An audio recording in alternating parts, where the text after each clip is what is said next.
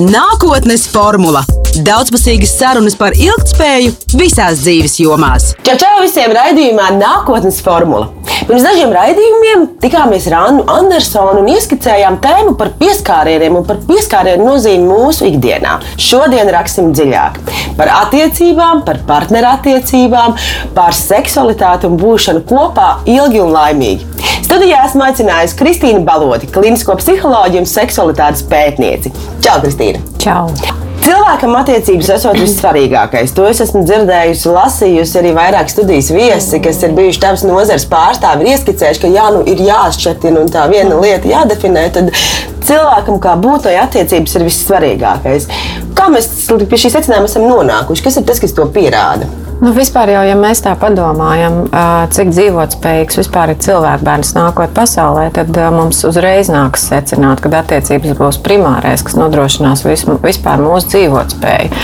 Un ņemot vērā, ka mēs tiešām esam viena no sugām, kurai visilgāk ir vajadzīga šī aprūpe, lai mēs elementāri varētu par sevi parūpēties, sagādāt sev primārās nepieciešamības lietas. Tad, protams, ka tā ir arī nu, savā ziņā tā mūsu noteiktība, nu, kas arī, manuprāt, bāziski apstiprina to, ka bez attiecībām jau nu īsti nekur.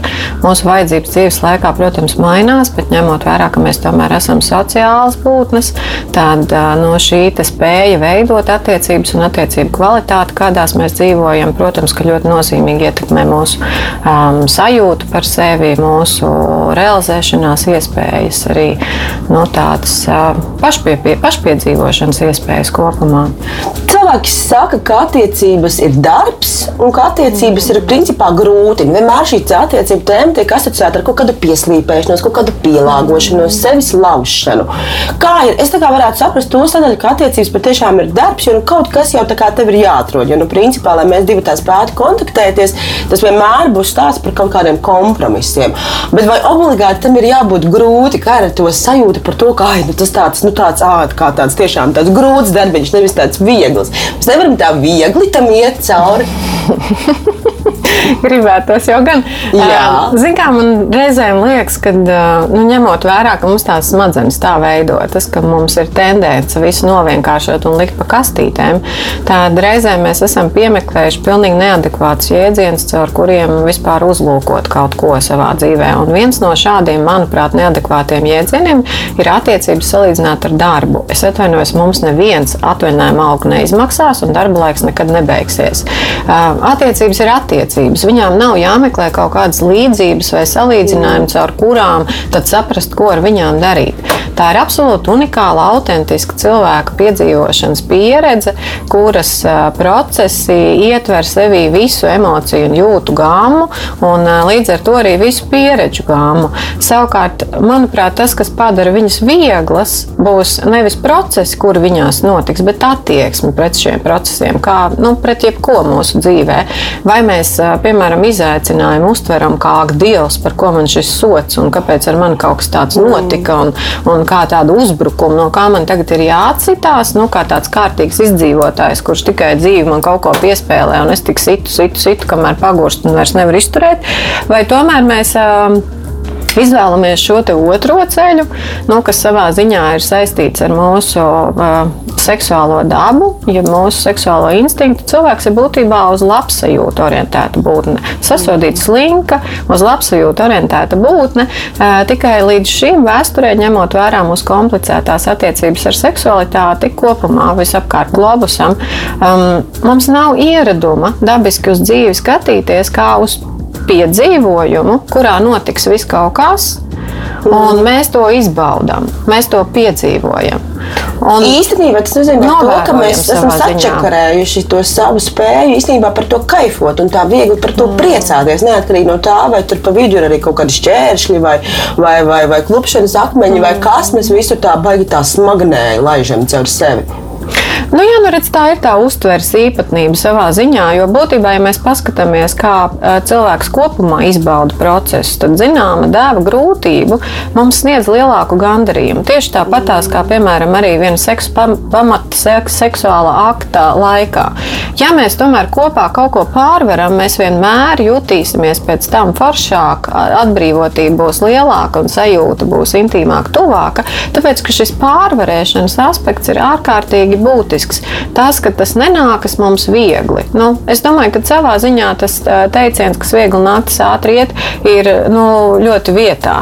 Mums kaut kā ārkārtīgi ir šobrīd, manuprāt, tāda laikmeta sērga, tā pārņemtība ar kaut kādu konstantu laimes un prieka sajūtu, bet cilvēks ir daudz plašākā amplitūdā justspējīgs. Kaut vai ja mēs skatāmies no tādas jūtu un emociju gammas, tad kur tad mēs liksim sēru procesu, kaunu par kaut kādām vērtībām, kuras ir jāpārstruktūrē, vainas apziņu, kas būtībā mums ļauj vispār saprast, kas tad mums rūp un kur mēs saprotam, nu, kaut kā es neētiski rīkojos, nu, kaut kā šis nebija forši, vai tāpat tās bailes, ka es saprotu, ka ir kaut kā jāparūpējas, nu, jāpārkārto apstākļi vai jāpalūdz palīdzību, lai es justos dzīvē kopumā drošāk, nu, vienalga kurā situācijā, vai dusmas, kur mēs ļaujam robežām tikt izkustinātām tik ļoti, kad mēs vairs nespējam būtībā pilnvērtīgi funkcionēt. Un, un katrai no šīm jūtu gāmām ir ļoti, ļoti nozīmīga loma mūsu dzīves kvalitātē un tajā, lai mūsu dzīve vispār iegūtu virzību. Līdz ar to šī te, nu, vairīšanās no vai tāda, uh, es teiktu, mukšana no grūtībām vai, viņ, vai nespēja uz viņām lūkoties kā vienkārši uz dzīves pieredzi, kurā mēs kļūstam par pilnvērtīgākiem, varošākiem, arī redzošākiem cilvēkiem. Un es domāju, ka ļoti bieži atskatoties, piemēram, uz savu dzīves pieredzi, uz tiešām sasodīt grūtiem mirkļiem. Mm. Mēs ar kaut kādu laiku atkāpi redzam tur tik daudz viskaut ko, kas mūs ir darījis par tik foršiem cilvēkiem tikai tāpēc, ka tas absurds tajā brīdī tur toreiz notika. Un iespējams, protams, ka tas bija ārkārtīgi grūti un, un zem kaut kāda. Tas noteikti daļas... nebija Instagram posts tajā brīdī. Nu, zini, kā mūsdienās arī Instagram posts var radīt tādu izaicinājumu, kad, kad tu jau nezini vairs, kur likties. Jo tomēr tas ir viens no interesantiem mūsdienu aspektiem, cik ļoti mēs paliekam ar vien vairāk un vairāk atkarīgi no laikiem. No, mm. Principā, vai es patikšu, vai es nepatikšu. Un, un Instagrams jau ļoti savā ziņā tomēr šo stiprina. Ja mēs skatāmies uz tām attiecībām, protams, visas attiecības ir vissvarīgas, bet šķiet, ka tomēr jo tuvākā plaknē mēs nākam, jo Jā. svarīgākas viņas ir. Par partnerattiecībām. Vai partnerattiecības no citām attiecībām atšķir tieši šis seksualitātes faktors, kurš mūs vieno un saista, vai tur ir vēl kaut kādi aspekti? kā, man liekas, ka. Um, es nezinu, kā tev, bet brīžiem man ir tā sajūta, ka tā kā Mm, kā lai saka, mēs būvējam vienu tādu mākslīgu realitāti, un tad ir tā otra, kurā mēs dzīvojam. Nu, tomēr nu, cilvēks ar veselo saprātu, ļoti, manuprāt, tomēr ir kontaktā ar to, kad lielākoties, uh, nu, pat ja mēs domājam par šo seksuālo aspektu, nu, tad vai nu mēs paši savā dzīvē, vai vismaz savās partnerattiecībās no vienas puses, vai blakus eso, esošās partnerattiecībās redzam, ka arī tā seksuālā miedarbība nav nekas ekskluzīvs, kas skartu tikai mūsu divus un kaut kā absolūti norobežot visu planētu no mums. Nu, nav. Cilvēks ir seksuāls, viņš ir seksuāls no dzimšanas līdz uh, nāvei, un būtībā viņa seksuālā miedarbība ar, nu, tas ir, nu, tas ir mūsu virzītājs spēks, tas, kā es. Paužu pasaulē savu identitāti un uz ko man identitāte ir orientēta, kas viņai vispār ir saistoši. Nu, tad kā tas var ietilpt pēkšņi, tikt atrauts no manas dzīves kopumā un integrēts tikai vienās divu cilvēku attiecībās, saprotot, ka viss pārējo nepazudīs. Un man šķiet, tas nav saistīts ar to, ka mēs seksu jaucam ar seksualitāti un liekam tur to vienādības zīmi, un šajā gadījumā noreducējam šo seksualitāti tikai un vienīgi uz, uz gulta principā. Jā, nu noteikti seksualitāte nebūs seks un seks nebūs dzimumakts. Es teiktu, ka, ja mēs noreducētu viņu seksu, tas vēl būtu koša bilde. Pārsvarā viņa tiek noreducēta uz dzimumaktu un sanāk tā, ka man dzīves kvalitāti definē dzimumaktu skaits, pat ne kvalitāte, ko es tur piedzīvoju un kāpēc mums vispār tas ir vajadzīgs. Bet uh, es velku kalendārā tos krustiņus, kad mums viņš ir un kad mums viņš nav, un cik vidēji aritmētiski tad vajadzētu, lai mēs skaitītos normāli. Un tad, ja tas reprezentē manu seksuālo būtību, tad ārkārtīgi, protams, tas ir skumīgi, jo tas ir tik šauri un tik ļoti liels spiedienu radoši, ka, protams, kā agri vai vēl diskomforts ir garantēts. Bet es teiktu, ka arī par to seksu domājot, es domāju, ka tur katram ir vērts sev uzdot jautājumu, ko seks vispār man nozīmē, kā es priekš sevis definēju šo jēdzienu. Ja es saprotu, ka dzimumakts ir tikai viena darbība seksuāla, un tad, kad tad viņš sākās un kad viņš beidzās, un tad domājot par savām partnerattiecībām. Bet ko tad īstenībā šis seksualitātes jēdziens, ja mēs skatāmies uz to tā plaši un kompleksi, kas ir tas kopums, ko tad, par ko tad mēs runājam seksualitātes gadījumā? Jā, par seksuālo identitāti vispār, lai struktūrētu un saprastu, kas tas ir, tad mēs, viņš sastāv no tāda puzlīte no, no vairākiem gabaliņiem, kur tad veido to mūsu kopbildi. Pirmais puzles gabaliņš būs šī fiziobioloģiskā piedarība, no dzimuma piedarība, kuru definēs manas, manas dzimuma dzimuma pazīmes, no dzimuma orgānu pazīmes, hormoni un chromosomas. Tas nebūtu nenozīmē, ka tā ir mana dzimuma identitāte, kas ir otrais no puzles gabaliņš, kura vairāk formējās, kā es uztveru šo te. Mēs esam klasiski pieraduši tomēr vairāk domāt par, kā lai sāka tādu netik populāra sastopama pieredze, kā šī pieņemsim dzimuma disforija, kur ir apjukums par to, kas īsti nejūtos savam ķermenim piederīgs un es nespēju ar viņu identificēties. Bet es teiktu, ja mēs palūkojamies uz šo daudz dziļāk un daudz kompleks, kompleksāk, ne tik ļoti novienkāršojot, tad es gandrīz katrai, piemēram, sievietei varētu uzdot jautājumu, vai viņa savā dzīvē rēķinās ar to, ka pārsvarā no plus mīnus 12, 14 gadiem, kad mums sākās menšreiz, līdz līdz plus mīnus pie 50, kad no sākās menopauze, mēs, piemēram, esam cikliskas un mūsu hormonālais fons mēneša ietveros nomainīsies četras reizes. Tas nozīmē, man vajadzēs, lai es fizioloģiski labi justos, nemaz nerunājot par to, kā es mentāli jūtos un kā es spēju sevi nosocializēt. Dažādi ēst, dažādi uzvesties, dažādi vingrot, nu, nezinu, nodarboties ar dažādām fiziskām aktivitātēm, dažādi socializēties un pielāgot, piemēram, arī savu darba ritmu nu, šai dažādībai, lai viņa man būtu harmoniska un iedrīga. Bet tā kā mēs nu, mazliet, varbūt tā genderīgi izklausīsies, bet tomēr dzīvojam šajā maskulīnajā fizioloģijā gadsimtiem ilgi, tad īsti jau mēs nevaram pateikt, zin, kā uz mēnešu reizēm tiešām ir savā ziņā, no, pirmkārt, fiziski varbūt lielai daļai sieviešu mm. patiešām grūti, piemēram, nu, nosēdēt visu dienu darbā, tagad to taisno muguru, vai kur nu vēl komunicēt, vai vēl tur kaut ko darīt, bet mēs tomēr spiežam to darīt. Pusi planētas iedzīvotājus nu, katru dienu pārvar sevi un nedzīvo mm. saskaņā ar tādu elementāru rūpi par savu fizioloģiju. Kas atkārtojas katru mēnesi. Jā, kas tomēr atkārtojas, jāpiebilst katru mēnesi, nevis mm. tur kaut kādu. Un ar viņām nekas nav, kā lai saka, nekārtībā. Nu, tas nav tā, ka pusi planētas iedzīvotāji ir slimi ar disfunkciju vai kaut kādu nepilnvērtīgu. Vienkārši mums līdz šim šis redzējums par vispār sievietes nu, sievišķās fizioloģijas, vairāk nerunāt par identitāti, jo ar identitāti tas būtu jau, jau cits jautājums. Sievišķās fizioloģijas uh, ieintegrētība nu, vispār no tādā mūsu dzīvesveidā ir tik ārkārtīgi vāja, Nu, un tik ļoti vēl tādos bērnu autiņos, kā vai dieniņ, cik mums tāls ceļš ir ejams, lai mēs varētu runāt, ka es dzīvoju saskaņā ar savu patiešām dzimumu piedarību un ka šis identitātes jautājums, es viņu pārstāvu. Es to savus, es nevis tur nodarbinu sevi, jo kas ir nākošais ar šī orientācija. Tātad mums ir fiziskā, seksuālā orientācija, kur, nu, ko es gribu aptaustīt, ko es gribu iegūt, ko es gribu apčamdīt un sajust. Un mums ir šī psihoemocionālā romāna romantiskā un intelektuālā orientācija, kas ir vispār tie cilvēki, ar kuriem kopā es par kaut ko dēgu, ar kuriem es aizraujos. Kuris, un, un ļoti bieži mēs redzam, ka šie neiet kopā arī mūsu partnerattiecībās. Ka mums iespējams tur ir baigāka aizlība un absolūti kā no divām planētām. Tā arī viss dzīve peramies, nekas mums tur nesanāk, jo izrādās, ka mūsu šī psihoemocionālā, intelektuālā orientācija ir vispār orientēta uz citiem cilvēkiem. Un tur mēs tā kā atslābstam, iesēžamies nu, tādā īstā mīkstā, foršā klubkrēslā un jūtamies automātiski savā vietā. Un tad ir vēl tas nākošais, cik no tā, kā es jūtos, es vispār uzdrošinos ņemot vērā. Nu, mēs joprojām esam sasodīti aizspriedumaini, sasodīti pārbijušies paši mm. no savas seksuālās dabas.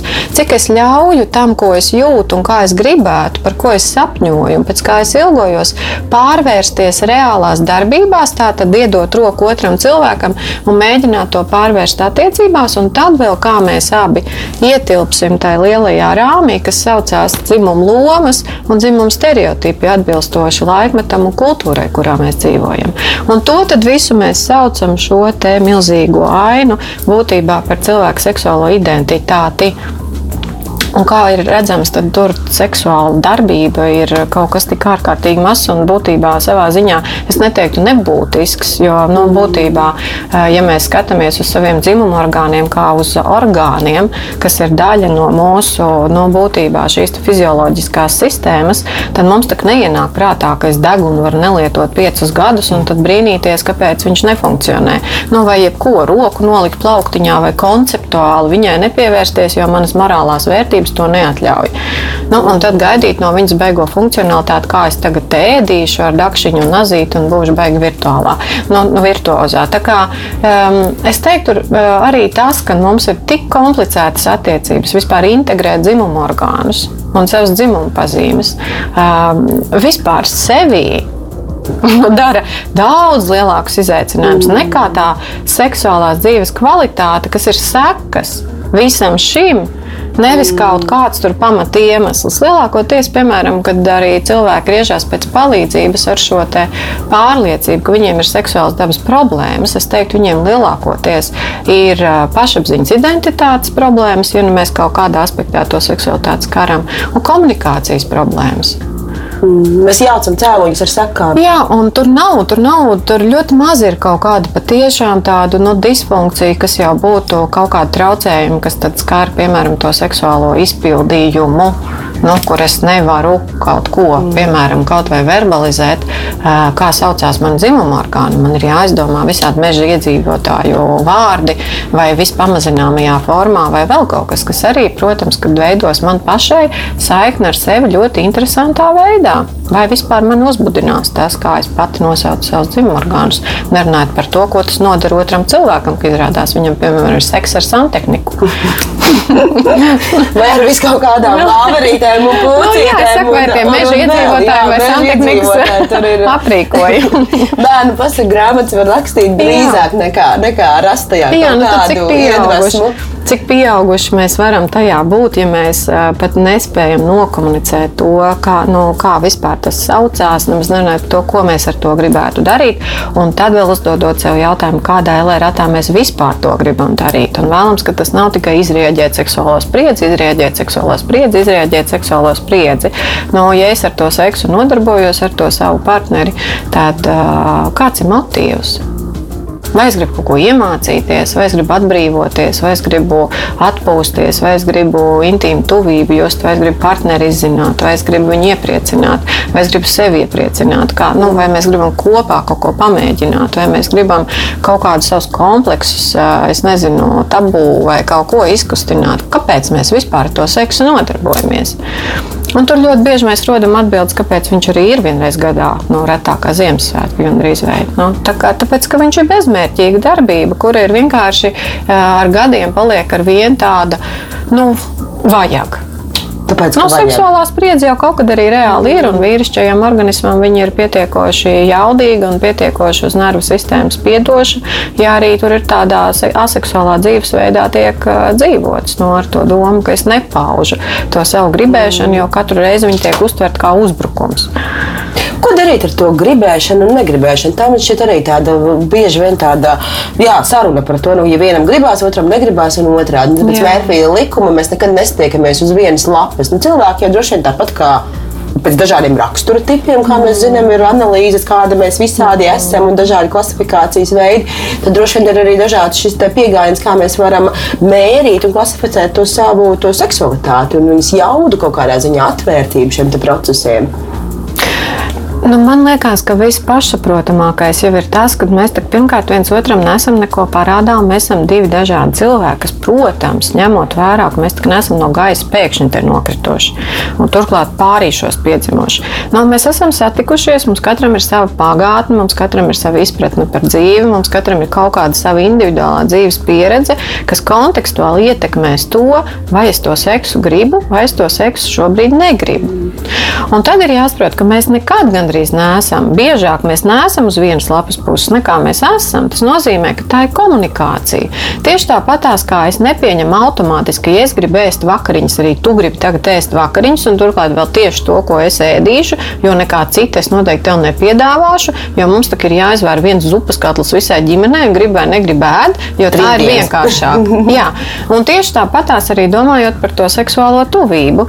Nu, es tev vakariņās vēlams kā aicināt un spētu arī pieņemt to, ka tu negribi šodien ēst, vai tu gribi iespējams ēst kaut ko citu un kaut kādā savādākā veidā pasniegt. Un tad mēs domājam, vai mēs varam kopā kaut kā no tā izveidot kaut kādu sadarbību, kura derētu vismaz kaut kādā aspektā mums abiem diviem, ja reiz tas vispār ir doma par partnerseksu. Un, ja savukārt mēs nevaram par to vienoties, mēs tā neesam atkarīgi viens no otra. Cilvēks ir seksuālā ziņā absolūti pašpietiekams, viņš var gūt seksuālu apmierinājumu arī bez otra palīdzības. Mēs tā nepiedzimām ne ar vīriešu dzimumu locekli rokā, ne viņa ar kaut kādu atveri, kurā obligāti ievietoties, lai to seksuālo baudu varētu gūt. Līdz ar to nu, arī spēja nu, atcerēties, ka mēs esam autonomi un piedarību mēs veidojam. Nu, tas ir labprātīgs, brīvprātīgs apusējums iekšējs akts, un viņam ir vienmēr nosacījumi un limiti. Cilvēks ir limitēta vienība ar to domu, ka konteksts mums vienmēr ietekmēs, un, un katrs no mums individuāli ir atbildīgi, kā es parūpējos, lai šis konteksts man netraucētu pieņemt brīvas gribas lēmumu par to, ka es izvēlos, nu, kaut vai šobrīd es nejūtu uzbudinājumu, bet principā, ja man seksuāla tuvība ar manu partneri asociējas ar vispirms mīļumu, maigumu, pieņemšanu, drošību, pietiekamību, nevis performanci, pārvarēšanu, grūtībām, uzbrukumu, atsišanos vai kaut kādām varas spēlēm, tad kāpēc lai es vispār teiktu nē? Savukārt, tas, ka es šobrīd fizioloģiski tam neesmu gatava, bet kāpēc, lai es ienāku tikko no darba pa durvīm, būtu fizioloģiski uzbudinājusies? Nu, vai kāpēc es, piemēram, ar, ar šo reaģējošo seksuālo temperamentu, kas tomēr sievišķajam organismam ir daudz biežāk piemītošs, nevis šī gribēšana, jo nav spriedzes, ko izrēģēt, nav hormoni, kas rada šo spriedzi, kuru vienkārši prasās izrēģēt. Tam nav saistības ar vienu partneri, tam ir saistības mm. ar patu pašu seksuālo spriedzi. Un tad es iespējams pastos, kas vispār ir par rokai. Protams, ka visbiežāk tā ir tā partneri, jo nu, tomēr monogāmās attiecībās mēs pieņemam, ka visi citi mums ir kaut kāda veida tabū, nu, uz ko mm. mēs nevaram pretendēt. Tad, protams, ka es aicinu to, kurus varu uzaicināt, un savukārt es atsaku tam, ko es dabiski negribu, jo tieši kāpēc es tajā brīdī gribētu. Bet uh, tur jau ir tā lieta, vai es saprotu, ka es, piemēram, šajā gadījumā izvēlējusies dzīvot dzīvot kopā ar vīrišķu organismu, vai es katreiz apvainojos uz to, ka tur ir šī seksuālā spriedze.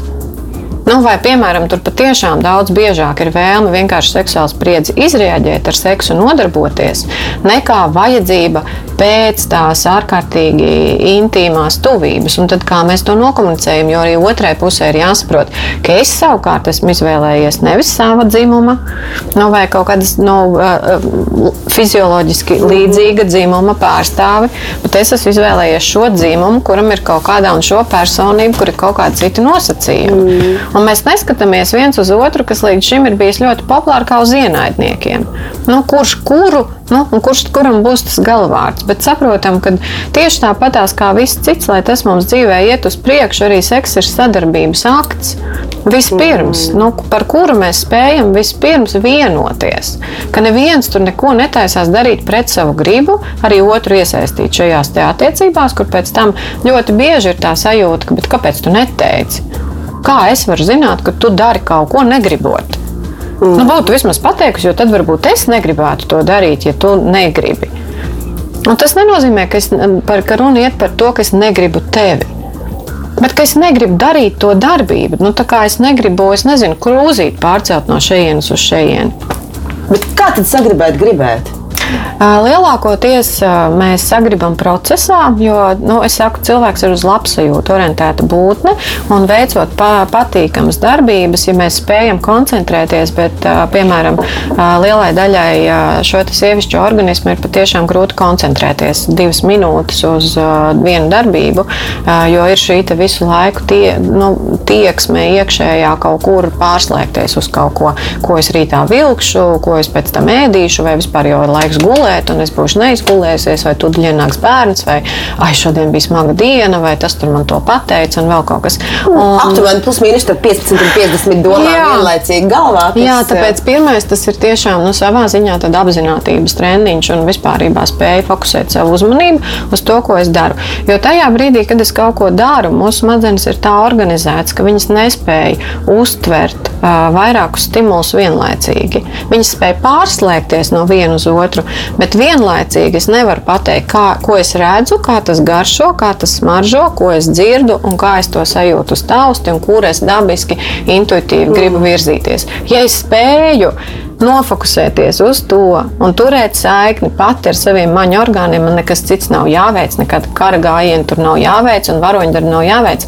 Man ir vienkārši jābūt klātesošai tajā, ko es daru, un jāfokusējas uz saviem maņu orgāniem. Jo tad es to savu vīru vai partneri vai vienalga, kā es viņu saucu, es viņu izbaudīšu, jo tad es pārsvarā no es ceru, vismaz jutīšu, nu, kas man viņā patīk. Varbūt viss man viņš nepatīk, bet patīk tur tieši nezinu, kā es īkšķis un uz to arī skatos, jo kāpēc skatos skatīties kaut ko, kas man nepatīk, jau var skatīties to, kas man patīk. Nu, es protu sevi koordinēt, es protu izvēlēties tajā amplitūdā, kas man ir piedāvāta, kaut ko, kas man dara, un priecāties par to, kas man dara, nevis cepties par to, kas man nedara. Bet iespēja cepties par to, kas man nedara, un risināt to, kas vispār šobrīd nav aktuāls, es varēšu vienmēr.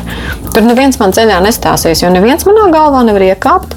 Neviens mm. cilvēks ir brīvas gribas būtne, viņu nevar piespiest. Nu, ja mēs tiešām vardarbīgi jau uh, kaut ko viņam nedaram, tad mēs nevaram viņu piespiest būt klātesošu pašu savās, savos uh, procesos.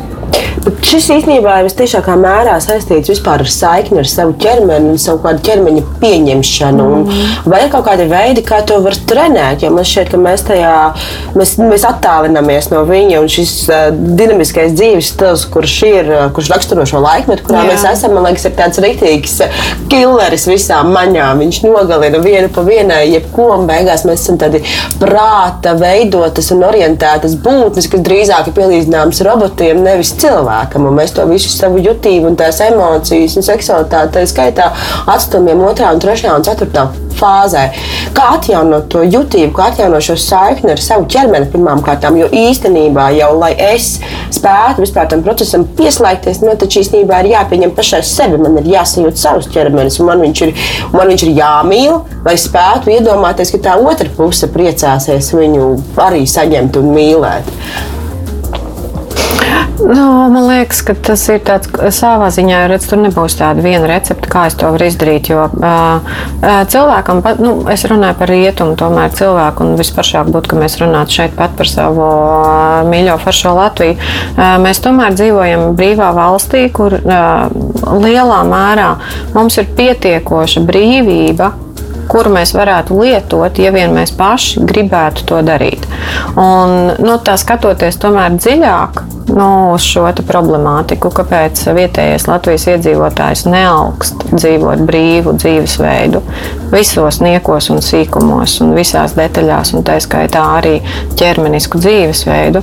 Tas, protams, lielā mērā, ja mēs no kultūra traumas viedokļa skatāmies, varētu būt saistāms arī ar šo mūsu ieradumu trūkumu uzņemties atbildību par sevi. Ka kāds vienmēr no ārpuses nosaka to, ko es varu vai ko es nevaru. Protams, ka arī mēs tomēr arī esam savā ziņā, nu, lai kā mēs sevi neidentificētu ļoti izteiksmīgi ar reliģijām, bet uh, tomēr mēs esam šis arī savā ziņā rietumu reliģiju, um, nu, es negribētu teikt upuris, bet uh, Bet ietekmes rezultātā no ķermeņa izkāpušais cilvēks, kurš augst kaut ko piedzīvot, nezinu, tur kaut ko netveram, kaut ko, ko mēs uzskatām paši par pārāku nekā mūsu pašu limitēto ķermenisko dzīvi. Un tāpēc līdz ar to pārsvarā visus limitus jau mums ļoti ātri pieliek mūsu ķermenis. Nu, Galu galā arī tā pati depresija, mēs viņu skatāmies, tas ir bioķīmiskas izmaiņas. Tas nav kaut kur kaut kāds mentāls, mistisks process, kas kaut kur ārpus manis notiek. Viņš notiek manī. Bet šī sajūta par to, mm. nu, kad viss tas, ko mēs tā kā definējam kā garīgu, psihoemocionālu, mentālu. Tam jau būtībā ir arī ļoti cieša saikne ar mūsu fizioloģiskajiem procesiem, ka mēs nevaram tā atdalīt to cilvēku nu, kā. Nu, šo psihi atdalīt no, no tās somas, no ķermeņa, tad mēs jau būtībā esam viens. Un, protams, ka tas viss tā arī strādā. Un tāpēc šie daudzi aspekti, kāpēc mēs, piemēram, izvēlamies ciest, nevis baudīt, izdzīvot, nevis piedzīvot, no, pārskriet pāri, nevis pamanīt. Bet, protams, ka tas ir pašatbildības arī jautājums. Cik vispār man ir cieša saikne ar pašatbildību? Un arī, ja mēs kaut vai domājam piemēram, par tādu um, audzināšanas kultūru, vai nu, vispār kā līdz šim skatoties tiešām mūsu, mūsu katra individuālajā vēsturē, nu, cik paudzēs mēs varam runāt par to, ka bērnam ir prasīts viedoklis. Noteikti ne vēl manā paudzē. Nu, jā, nu tad ko mēs varam gaidīt no sevis, ka mums automātiski liksies, ka manam viedoklim ir nozīme? Protams, ka man liksies, ka ārējiem viedokļiem ir nozīme. Un mm. mans viedoklis nu, ok, nu, varbūt ja viņu apstiprina kāds, nu, vai arī es esmu ļoti nekritiski pret to savu viedokli un uh, vispār nedzirdu, kā viņš rezonē tomēr šai sadarbības aspektā. Un, man liekas, to mēs redzam vidē sev apkārt un tajā, kā mēs funkcionējam savā valstī, savā ģimenē un arī savā individuālajā savas dzīves pašpiedzīvošanā. Tur ir ļoti daudz tādi iekšēji un ārēji konflikti, uh, kas ir ļoti likumsakarīgi un saprotami. Nav jau tur ko uz sevi arī skatīties ar tik šausmīgi lielu tādu kritisku kritiskumu un nosodījumu. Man liekas, ka mums kritikas un nosodījumi ir pieticis, un mēs savā ziņā esam varbūt tāda pirmā paudze, kurā šobrīd sāk vispār par viedokļiem, vispār kaut kā domāt, viņus skaļi izteikt, uzdrošināties izteikt. Nu, mēs paši mēdzam par sevi iejokot mūžam neitrālais latvietis. Mm. Dod viņam kaut 18 izvēles, viņš paliks neitrāls. Kā tev iet normāli? no, jā. Šis ir smieklīgi, ko nekad nevar iztulkot ārzemniekiem. Ko jūs atbildat? Tā kā vienkārši normāli, nu kā normāli, tā kā kas nozīmē visiem, bet kā, kā tev iet normāli? normāli. Nu, jā, nedoties kāds uzzinās, ka man iet labi, vai ja man uzzinās, ka iet slikti, tad noteikti nevarēs pēc tam dabūt to, kas palīdz. Un tāpēc labāk kaut kā tā, pa vidu nekā, nu, atturēties vai kaut ko līdz galam nepateikt. Un tieši tāpat tās jau arī, protams, ka tas notiek arī tajā mūsu tuvajās intīmajās attiecībās, ja mums vispār tādas ir, jo arī tas prasa drosmi. Atvērtība otram cilvēkam tas tomēr arī ir tāds drosmīgs akts, pieņemot, ka tas sāpēs. Interesanti arī tas, ka mēs esam bez eh, stresa un kompleksiem iemācījušies izrunāt eh, vārdu seksu un vispār par Jā. to kā runāt, bet īstenībā mēs neesam šajā jautājumā vēl joprojām guvuši kaut kādu sapratni. Man liekas, tas eh, mm. kultūra vēstures mantojums ir to grēku apziņu, ar kaut kādu to mm. nepareizības apziņu, ar kaut kādu tādu kompleksu, ka nu, kaut vai tas pats nezinu, pieskaršanās sev jautājums Jā. vai vēl kaut kas tāds. Tomēr mēs it kā brīvi par to lasām, runājam, Jā. komunicējam, vārdu krājums mums ir ļoti fleksibls un atvērts. Tā pašā laikā iekšēji tik un tā, tas tā kā tie procesi vēl joprojām man šķiet nav pieņemti. Tā tāds optimistisks redzējums. Manējais noteikti nebūs tik Nē. optimistisks. Es noteikti neteiktu, ka mēs šeit par Latvijas iedzīvotāju varētu runāt tā kā, kā par kaut ko, kam ir brīvs vārdu krājums attiecībā pret, nu, domājot par seksuālo kultūru un viņas nokomunicēšanas spēju. Mums ir vai nu šie pamazināmie vāverīšu un santehnikas vārdi, vai nu mums ir kaut kāda jau tāda rupja necenzēta lekcija, kas lielā mērā ir aizgūta no krievalodīgās puses, bet pašiem tāda sava kaut kāda. Mm, kas man reizēm arī liekas, arī viens tāds interesants aspekts. Viena lieta, ka mēs zinām, kā tas saucās, un spējam to izteikt skaļi un vēlams dažādos, no dažādiem, uz dažādiem dzimumiem, dzimumu identitātēm orientētus. Bet otra lieta ir piešķirt viņiem šo teorētisko jēgu. Vai tad, ja es to pasaku, man tas pašai neizklausās pēc ginekoloģijas kabineta, vai man tas man patīk, kā tas skan, un tas man liek mazliet nu, jutekliskāk pajust par to, par ko es vispār runāju. Vai mēs, protams, valodu izmantot kā erotizētāju, pašu savas dzīves erotizētāju, un vai mēs, protams, tonalitātes mainīt, saprotot, ka arī tas, kā es vārdu pasaku, var noteikt to, kā viņš skan. Un, man liekas, šis ir rotaļīgums, no tāda atļaušanās, atļaušanās arī rotaļāties ir kaut kas, kas mums ir milzīgs izaicinājums. Ka mēs jau tā robusti varbūt vēl kaut ko pateikt varam, bet arī salīdzinoši ļoti maza tomēr daļa. Bet vēl tā pateiktam, atļaujoties piešķirt šo jēgu, atklājot šo jēgu Nu, nesam mēs ne baigie flirtētāji, ne baigie pavadinātāji, ne tur vispār tādu brīvu savas intereses paudēji. Galvenais ir stāvēt pāri un rādīt, ka man viss ir vienaldzīgs. Tas uh... nesasniedzamā latvieta ar ne, nedefinēto latvieti, kurš nevar izteikt uh, savu vēlmi un savu gribēšanu. Tāpēc gaida, kad viņi kaut ko tur sadarīs. Nu, lai drošāk. Grūti mums ir satikties. Kā mēs vispār pievelkamies? Nu, kā veidojās tas, tas, tas, tas klikšķis, ka kaut kas man pēkšņi iepatīkās, ka es pamanu, un nezinu, un viena no simts pretim nācējiem, un man pēkšņi ir kaut kāds tāds, tāds, tāds nezinu, patīkams, patīkams satraukums, vai nezinu, mēs to varam arī ar simboliem sākt, nezinu, par tauriņiem vēderā vai nē, un, un ar, ar citiem savukārt tas nav. Un kas ir tad to ilgspējīgu attiecību pamatā? Tad mums ir jāmāk apvienot gan šie tauriņi un tā vilkme pret to cilvēku, gan arī šis intelektuālā vēlme, ko tu ieskicēji, kas ir šī te, garīgā vilkme būt ar šo cilvēku kopā. Bet bieži vien man liekas, ir vai nu viens vai nu otrs. Mums ir fantastiski cilvēki, kam mēs pavadām laiku kopā, bet, diemžēl, līdz gūtājai mēs netiekam un nemaz nevēlamies. Un tad ir tas otrs pēkšņi kaut kas mūsos rada nenormāli jaudīgu uzbudinājumu, bet nu, mm. nu, parunāt mums nav par ko. Jā, bet kaut gan domājot par to, um, ka mēs līdz tai gultē netiekam, tad, ja mēs spētu um, vispār konceptuāli pieņemt pašu ideju, ka seksuāla darbība ir dabiska darbība, ka viņā nav nekas nosodāms pēc būtības, un ka pieaugušs cilvēks ir brīvs izvēlēties veikt darbības, kuras neaizskar viņa cieņu, godu un drošību un otra cilvēka, tad pēc būtības jebkuri divi cilvēki kuriem ir prasmes, spēj radīt baudāmu seksuālu aktu. Lai ko viņi paši pēc tam par to domātu, vai kādā mm konceptā viņiem tas ietilptu vai neietilptu. Jo seksuālā pratība ir pratība jūtas nepalīdzēs. Mm. Ja jūtām būtu bijis kaut mazākais potenciāls palīdzēt mums kļūt seksuāli pratīgiem, nu, kas ļoti bieži atduras pret to, ka mēs elementāru anatomiju neizprotam, ka mums joprojām liekas, ka sievietes maksts ir tā, nu, tas orgāns, caur kuru viņi tagad gūst to sasodīt milzīgo baudu. Nu, un joprojām iegūlējot, piemēram, sievietes dzimuma orgānu, mēs uh, dabonam daļēju uh, sievietes dzimuma orgānu atspoguļojumu 20, 20. Labrīt! Nu, par ko mēs vispār varam runāt šeit? Līdz ar to tas, eh, es teiktu, ka tas īstenībā nebūs. Tas, kā tas būs, mēs vēl uzzināsim visu un piedzīvosim. Tad, kad mēs pēkšņi, nu, beidzot kļūsim visus dzimumus un visas identitātes iekļaujoši izglītoti, un tad, kad mums vispār pietiks dušas, beidzot sākt mēģināt dzīvi piedzīvot, nevis vienkārši izpildīt kaut kādus šablonus, kā pienākās, ko drīkst un ko nedrīkst kārtīgi cilvēki.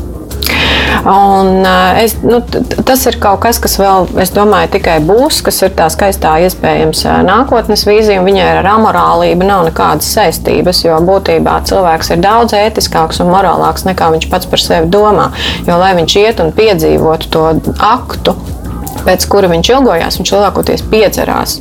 Tas nozīmē, ka viņš nemaz nav spējīgs pats sev pie pilna saprāta, savā briedumā iet un nokomunicēt ar cilvēku to, ka es gribu fizisku tuvību.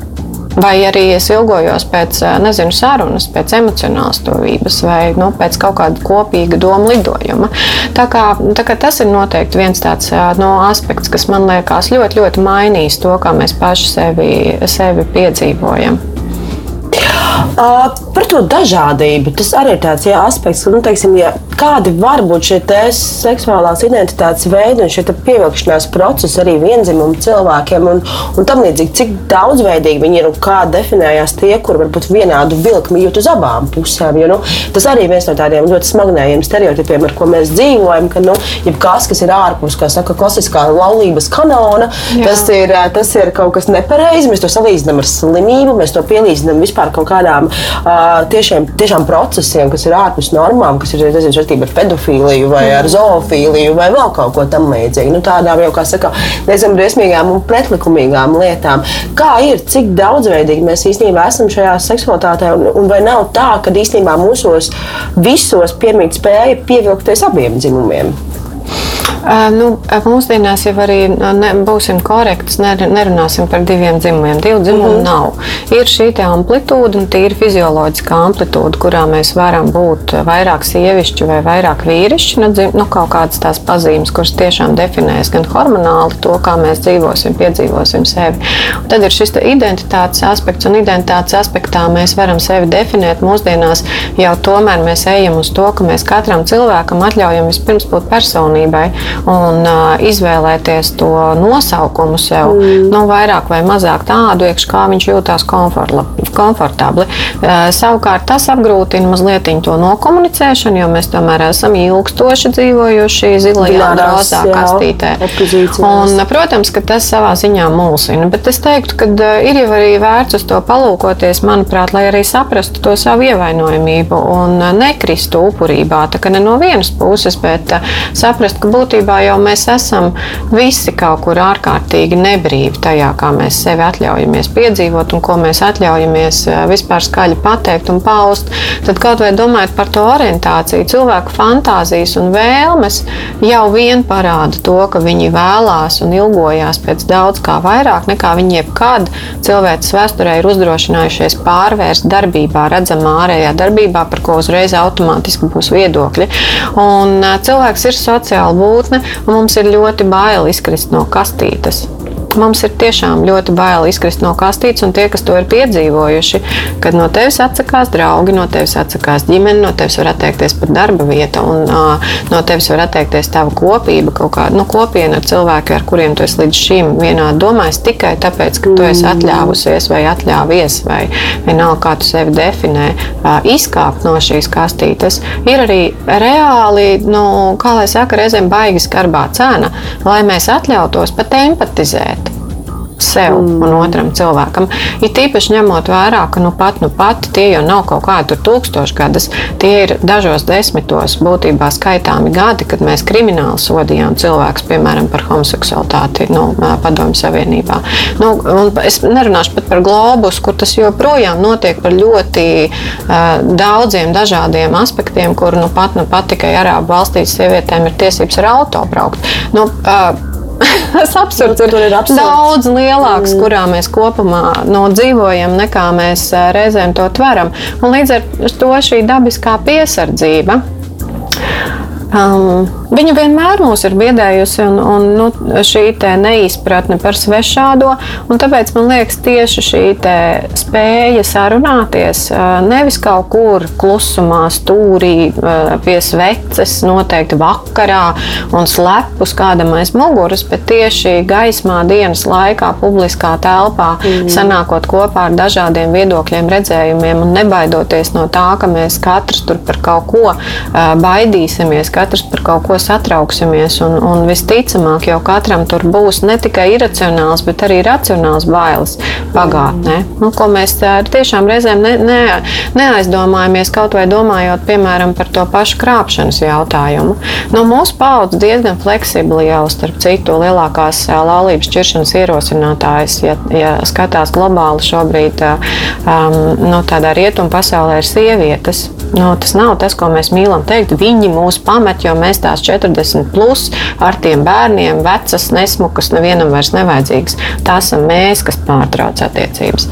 Un, Un tur noteikti ir kaut kāda sava iemesla, kāpēc mēs to darām. Nu, krāpšana, es domāju, ka ir viens no populārākajiem. Nu, jā, bet arī saprotot, piemēram, to pašu krāpšanu, kas ir piemēram šī ilgstoša, stagnējošā seksuālā neapmierinātība partnerattiecībās, ar kuru mēs, kuru mēs normalizējam, kuru mums abiem rada uh, ciešanas. Vismaz tā tam vajadzētu būt, ja man rūp arī otrs cilvēks. Jo vienalga, vai es saku jā vai nē, vai es esmu tas gribētājs mm. vai negribētājs. Ja es domāju attiecību aspektā, nevis individuālā es un manas vajadzības, un to ir dari, ko tu gribi.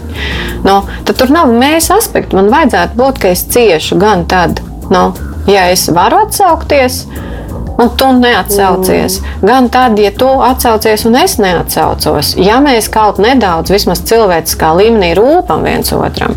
Nu, jo cilvēks ir sociāls un viņš ir ar šo vēlmi no intīmi socializēties ar vienu vai vairākiem cilvēkiem. Tas atkal būs gaumas un, un personības jautājums, bet eh, tā ir mums tāda savā ziņā pamat vajadzība, kura mums ļauj nu, justies uh, forši.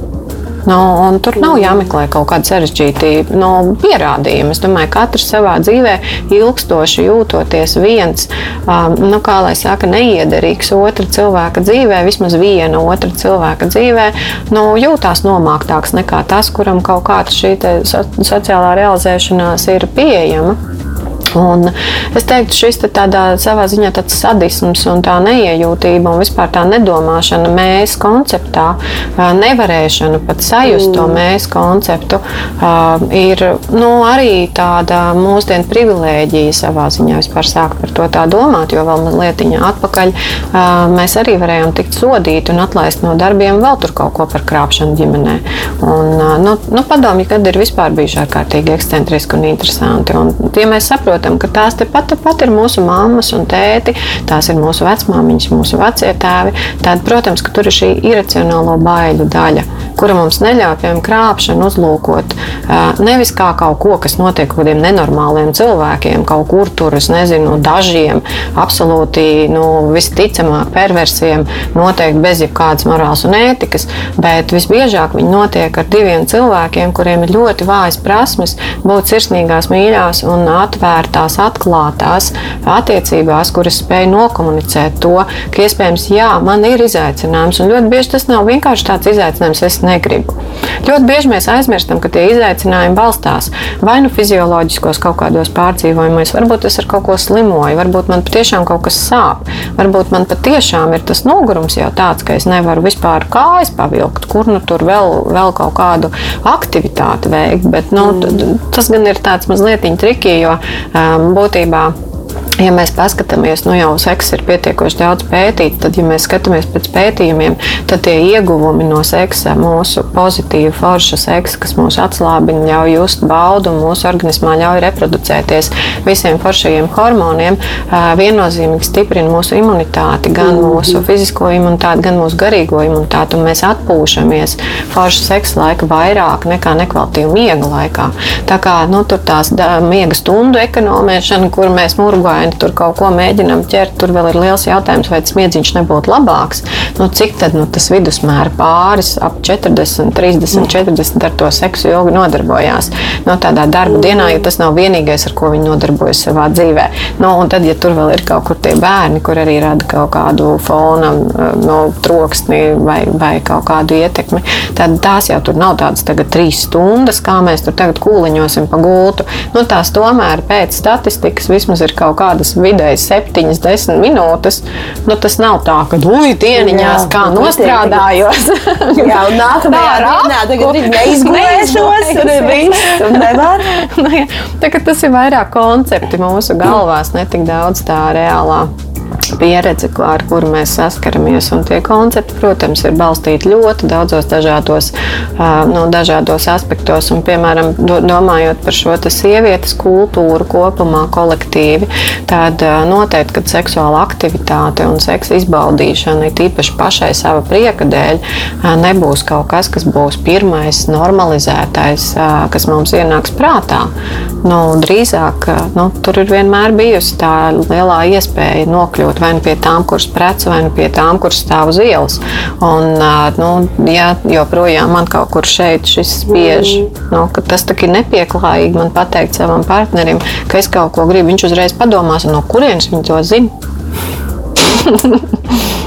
Mums tik, da, kā no vienas puses tik ļoti tāda, nu, tas ir ar mums visiem, un tas tik ļoti kā pašsaprotami mm. skaidri, un tu te pašā laikā tas apliekās ar vienkārši mm. miljonus šīm te mazajām visādām kārtība, kārtiņām un niansēm un kompleksiem un pieredzēm un vēl kaut kā, un beigās tas īstenībā sanāk tāds tāls ceļš, kas mums ir jānoiet, lai mēs tam vispār pietuvotos, lai mēs salīmētu kopā to puzli, ko tu ieskicēji sākumā, Jā. kā vispār šī ideja identitāte mums veidojas.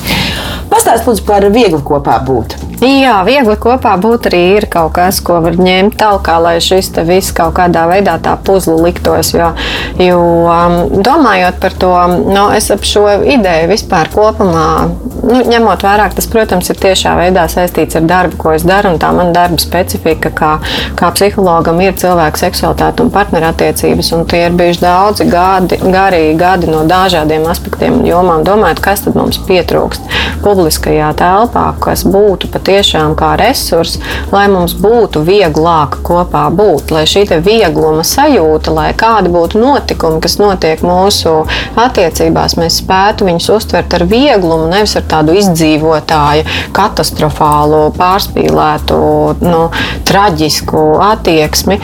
Tas arī ir bijis tas motīvs, kāpēc, kāpēc nu, es startēju ar šo ideju, kāpēc es uzrunāju Annu Andersoni, kura ir spēcīga savukārt tieši Tieši gan mūsdienu tehnoloģijās, bez kurām, protams, mūsdienās arī nav vairs opcijas, kā lai saka, nu, mēs dzīvojam tajā telefonos, un mēs dzīvojam tajā datoros, un, protams, ka mēs digitalizēsimies ar vien vairāk, un lai arī tas mūsu viegli kopā būtu, kas ir atbalsta platforma cilvēkiem, kuriem rūp viņu attiecības, kuri vēlās ilgtermiņā viņās nevis skaisti ciest.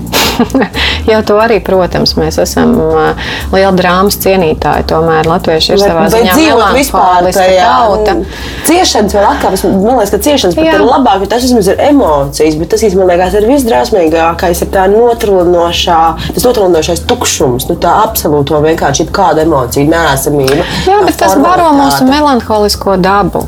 Un savā ziņā mēs tomēr esam tādi pieklusināti melanholiķi, kuriem šī sapņainā dzīves uztvere zināmā mērā prasa pēc traģiskas barības. Tāpēc mēs to traģisko barību sev apkārt saredam.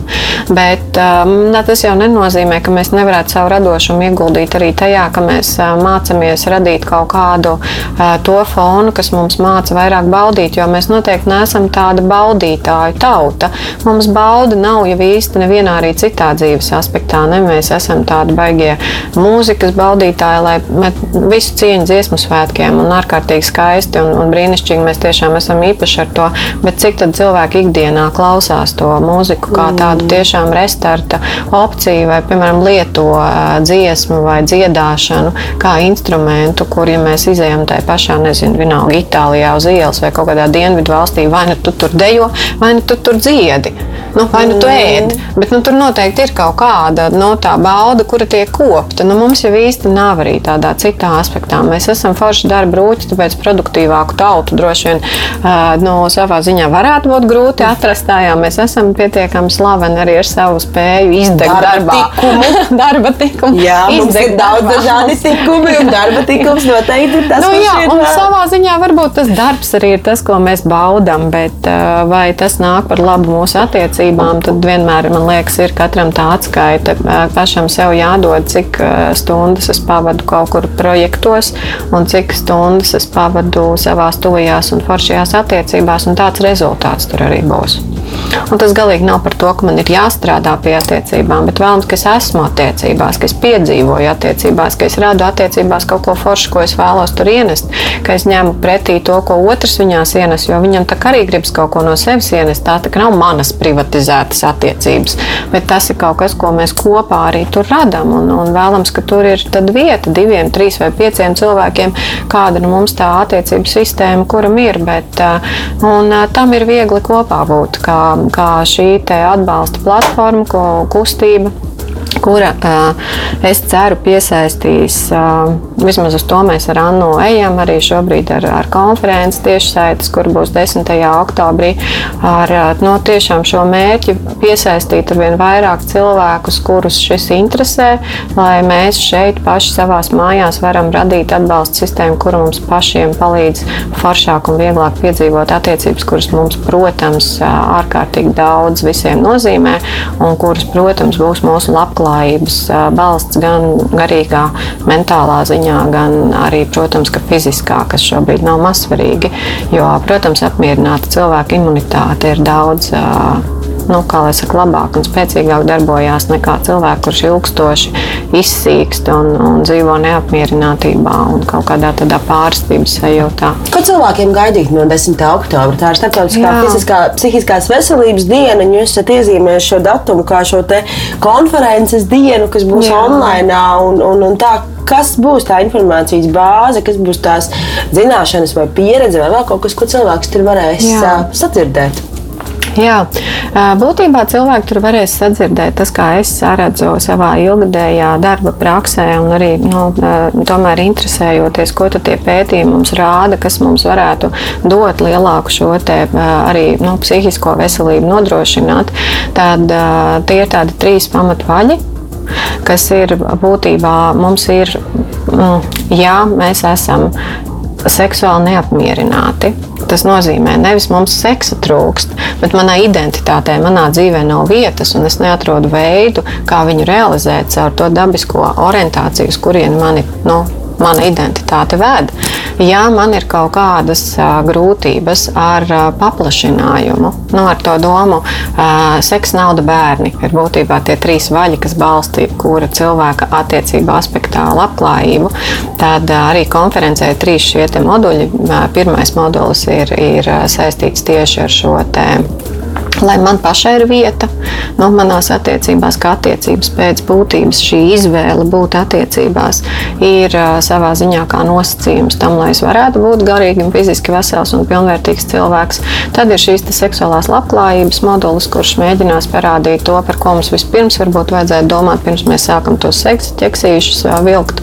Un tad ir šis naudas iedvesmas modulis, kas ir ar to domu, ka mums ir nepieciešama attīstība. Cilvēks mm. ir uz attīstību vērsts vērsta būtne, vai viņš pats to apzinās, neapzinās, grib vai negrib, bet neviens nav nomiris tāds kā piedzimis. Un evolūcija notiek, vai mēs viņā piedalāmies vai nē. Un, un nauda, protams, ir viens no instrumentiem tieši tāpatās kā seks, ar kuru palīdzību mēs spēlējam varas spēles. Un, lai mums būtu apzinātas mūsu vērtībās balstītas attiecības ar šiem instrumentiem, tad šie visi trīs aspekti ir ārkārtīgi būtiski, lai mēs būtu komunicēt spējīgi par viņiem, būtu apzināti par viņiem un būtu spējīgi spējīgi integrēt to, kā mēs to nokomunicējam un kā mēs to apzināmies arī tajā savā dzīvē, pārvēršot darbībās.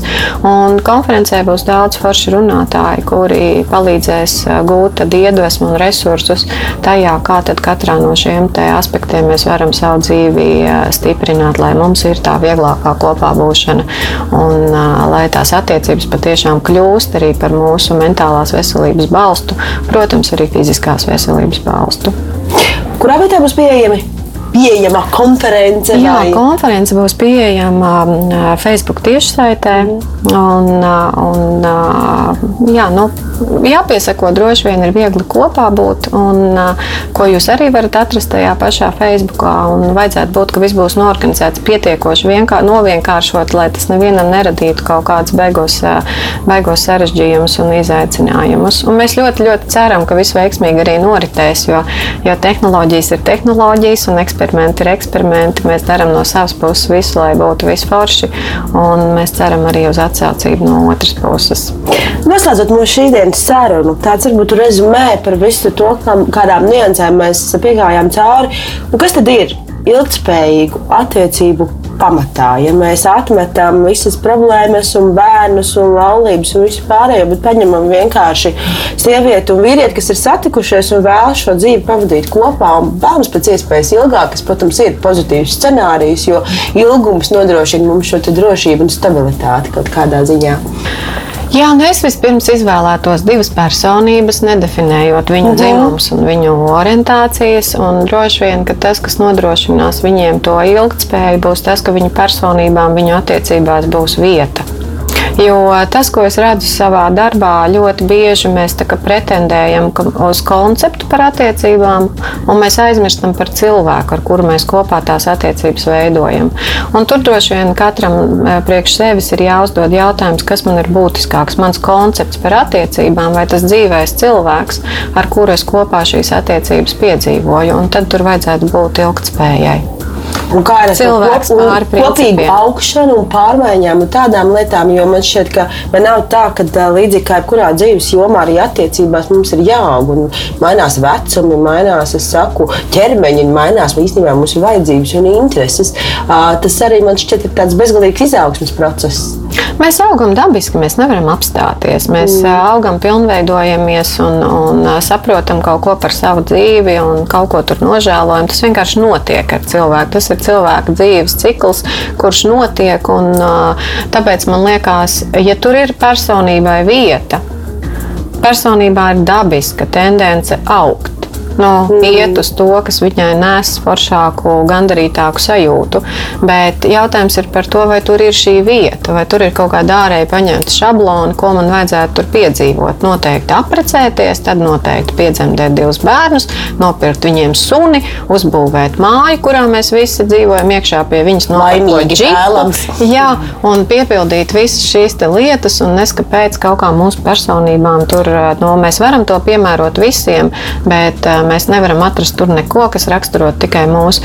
Un es teiktu, ka no, no pētījumiem mēs varam redzēt, ka tās personības, kuras atrod vairāk vietas savai, savām individualitātēm, nevis šiem kolektīviem šabloniem, arī ir tās, kurām ilgtermiņā interesantāk ir kopā, gan savstarpēji, mm. nu, gan arī individuālā līmenī ir vieglāk augt un attīstīties. Jo, protams, ka tās tuvās attiecības mums ir ārkārtīgi nozīmīgas arī, lai mēs drosmīgāk atļautos sevi piedzīvot. Paldies tev par šīs dienas sarunu!